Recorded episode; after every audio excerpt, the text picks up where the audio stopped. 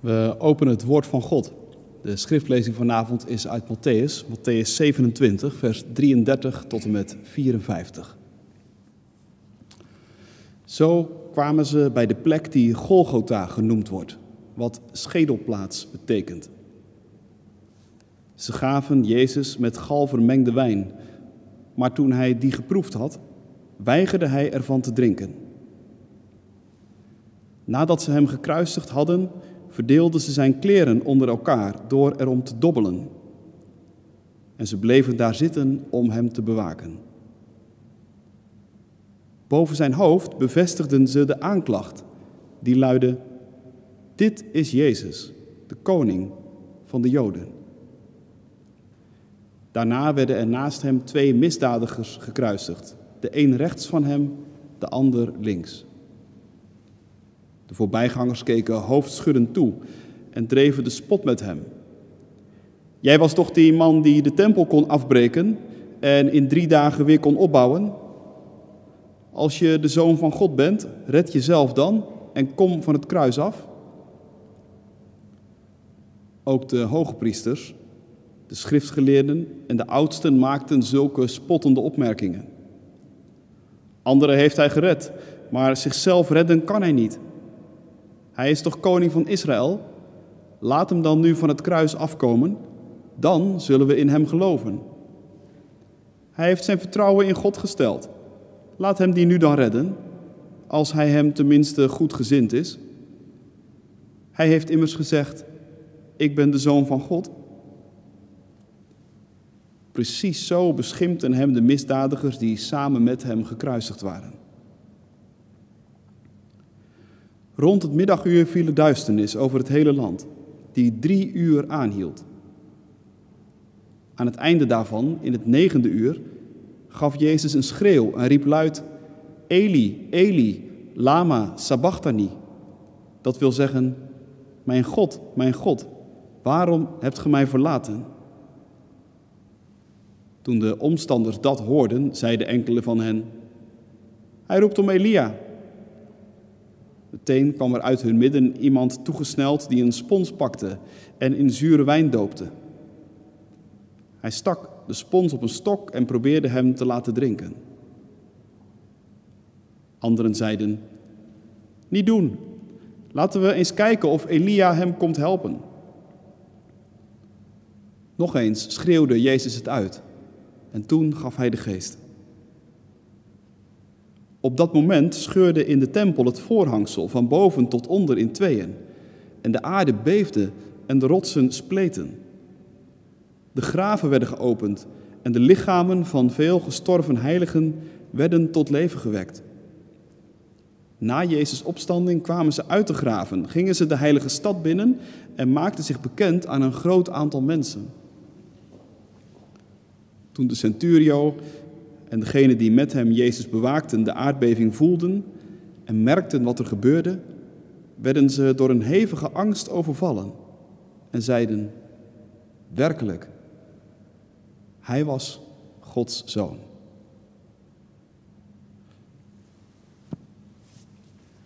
Tot zover de lezing. Gemeente van Christus, broeders en zusters. Het is stil op straat. Al weken. Het gebruikelijke rumoer is verstomd.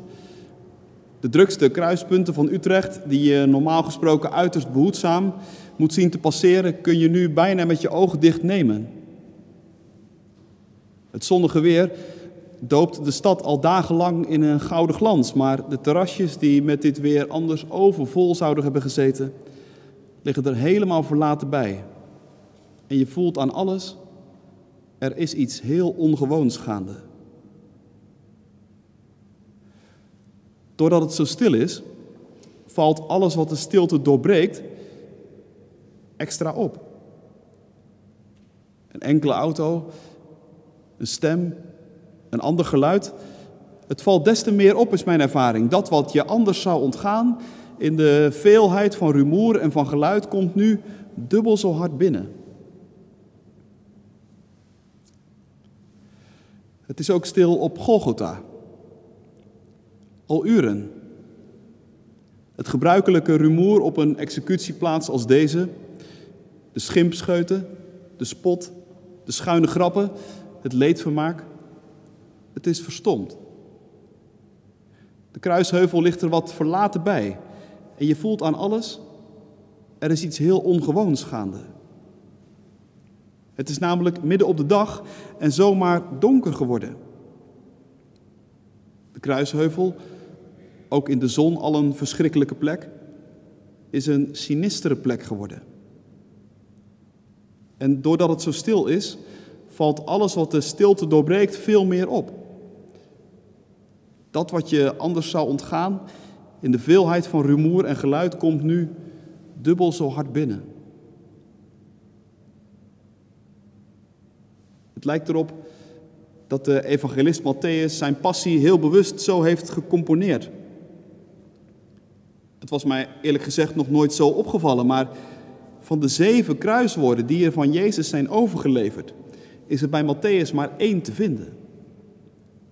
Maar juist dat ene woord van Jezus, dat je anders zou ontgaan in de veelheid van rumoer en geluid, komt daardoor dubbel zo hard binnen. Het is die afgrondelijke kreet van een intense diepte. Eli, Eli, lama, sabachthani. Mijn God, mijn God, waarom hebt ge mij verlaten? Het is die kreet die de stilte van de kruisheuvel doorbreekt. En met dit woord maakt Jezus van de kruispaal een preekstoel. Mijn God, mijn God, waarom hebt ge mij verlaten? Let op, dat zegt niet zomaar iemand. Dit zegt Jezus. Dit zegt degene van wie aan het begin van het evangelie gezegd is: Jij bent mijn geliefde zoon, in jou vind ik vreugde. Dit zegt hij die een intense band met God had. Zo intens als geen mens ooit heeft gehad. Hij is het die hier de, de totale afwezigheid van God ervaart en doorleeft.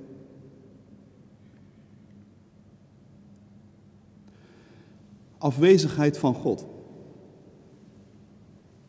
Dat is een ervaring die veel mensen in onze tijd in dit deel van de wereld zeggen te kennen.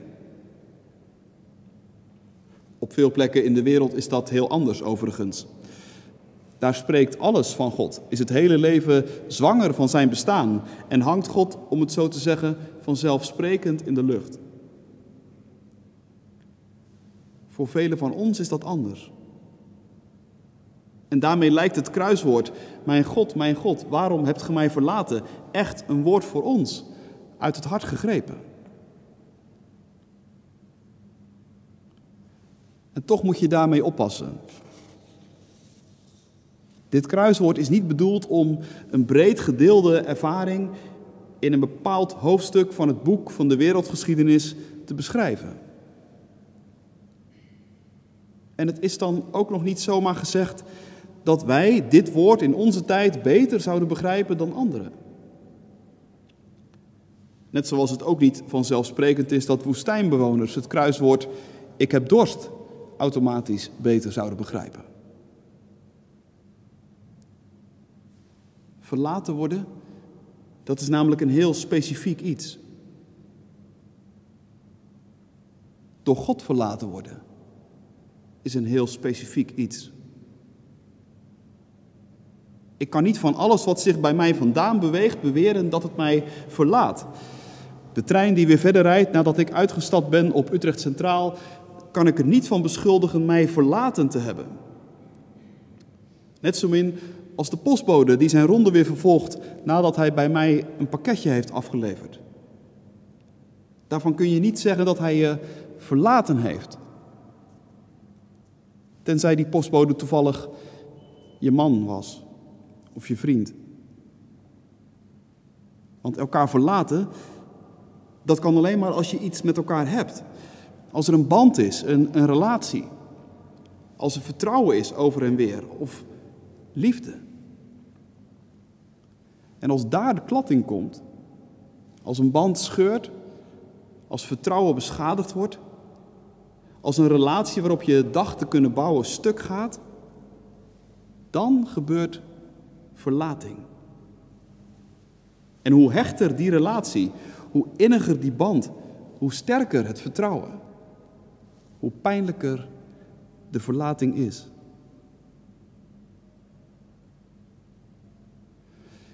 Dat geldt ook ten opzichte van God. Alleen als je God werkelijk kent, kun je iets begrijpen van wat het is om door Hem verlaten te worden. En hoe sterker je Hem kent, hoe sterker je ook Zijn verlatenheid kunt beleven. Nou, als er één is die God gekend heeft, zoals Hij ten diepste is, dan moet het wel Jezus zijn, de geliefde zoon in wie de Vader zijn vreugde vond. Niemand anders dan Hij kan weten, ervaren, doormaken wat het is om de absolute Godverlatenheid te beleven. Mijn God, mijn God, zegt Jezus. Waarom hebt ge mij, uw geliefde kind, verlaten? Waarom? Waarom? Dit is niet zoals we elkaar kennen. Dit is de totale omkering van alles. Waarom dan toch?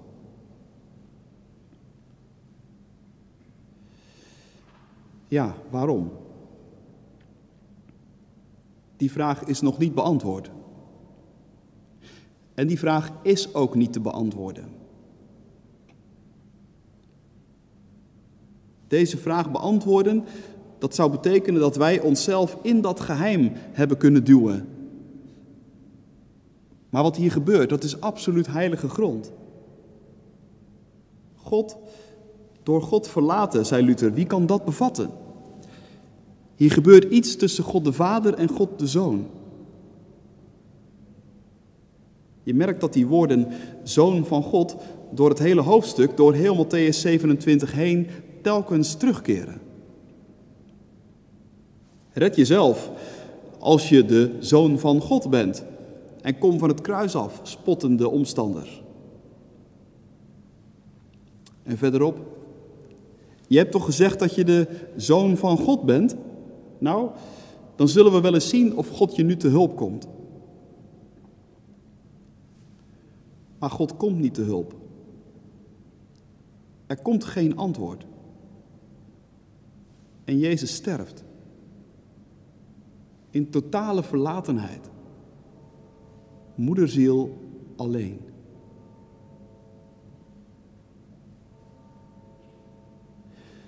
Krijgen ze daarmee gelijk, die spotters? Betekenen de twee momenten dat de stem van Jezus de stilte scheurt de eerste keer in die hartverscheurende waarom-vraag.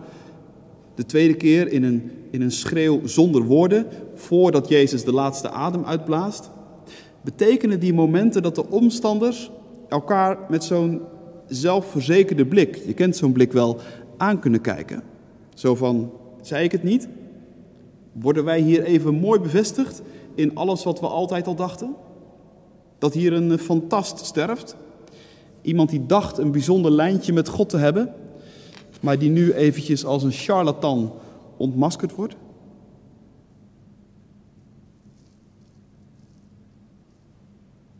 Wat me opvalt in dit stuk is hoe weinig Matthäus de evangelist eigenlijk duidt en invult. Maar hoeveel hij laat zien. Hij onthoudt zich van commentaar hij spreekt als schrijver niet de personages die hij laat spreken tegen, maar hij tekent. Hij schildert, hij toont. Hij wil dat je luistert. Heb je het gehoord? Die stem die de beklemmende stilte doorbreekt. Maar Matthäus wil ook dat je kijkt. Heb je ook gezien, wil hij zeggen? Heb je bijvoorbeeld gezien dat de dood van Jezus vergezeld gaat van een aantal hele grote en bijzondere tekenen? Het ging zo net al even over de zonsverduistering. Maar Matthäus vertelt ook van een aardbeving, van het scheuren van rotsen en zelfs van het openbreken van graven. En dat allemaal op dat moment dat Jezus, de schreeuw nog op zijn lippen, sterft. Kosmische, reusachtige, intense gebeurtenissen dus, die aan de dood van deze gekruisigde een bijzondere betekenis geven. Er is werkelijk iets heel ongewoons gaande. Dit is niet zomaar de dood van een enkeling, zoals er zoveel doden van zoveel enkelingen zijn. Meer of minder eenzaam, meer of minder tragisch. Hier gebeurt in het uiterste bijzondere, in de dood van die ene, gebeurt iets enorms, iets universeels. Matthäus kiest passieve bewoordingen. De aarde wordt bewogen, schrijft hij. Het voorhangsel wordt gescheurd. En de graven van de ontslapen heiligen worden opengebroken.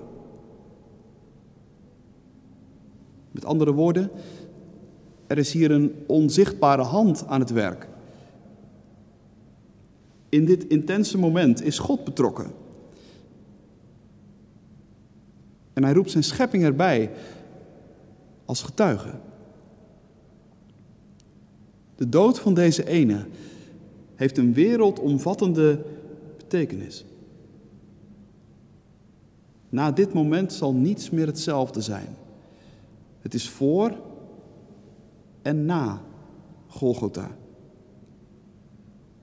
Deze kruisiging is wereldschokkend in de meest omvattende zin van het woord.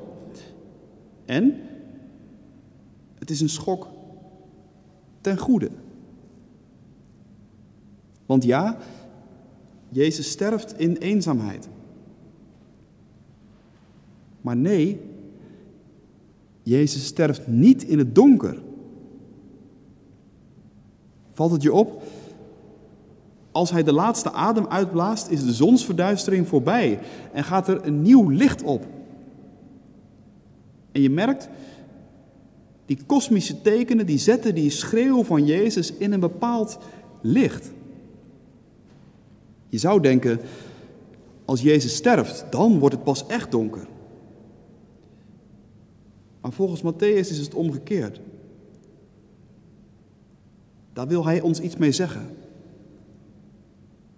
In het oordeel ligt de genade, wil hij ons zeggen. En in het einde een nieuw begin.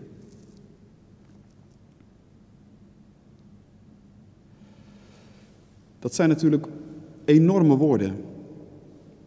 En zo moeten ze ook klinken vanavond. Maar laat ik toch proberen om ze je nog iets dichterbij te brengen. Ik, ik herinner me het moment dat ergens in mijn studententijd een, een huisgenoot mij de film Magnolia liet zien. Een film over een heleboel mensen die allemaal op hun eigen manier in het leven vastgelopen zijn. Ook al ziet het er zo aan de buitenkant niet zo uit. De hoofdpersonen kunnen geen normale relaties hebben. En ze zijn dan ook ten diepste door en door eenzaam. Op een goed moment vallen aan het einde in die film de kikkers bij duizenden uit de hemel. Een totaal bizarre scène met een meer dan duidelijke verwijzing naar de Bijbel natuurlijk. Een verdiend oordeel volgens de filmmaker. Dat de hele wereld piepend en knarsend tot stilstand brengt. Me dunkt. Een van die kikkers valt precies op de hand van een hoofdpersoon die op het punt staat om zelfmoord te plegen. En daardoor schiet hij mis en sterft niet. Het oordeel is dus zijn redding.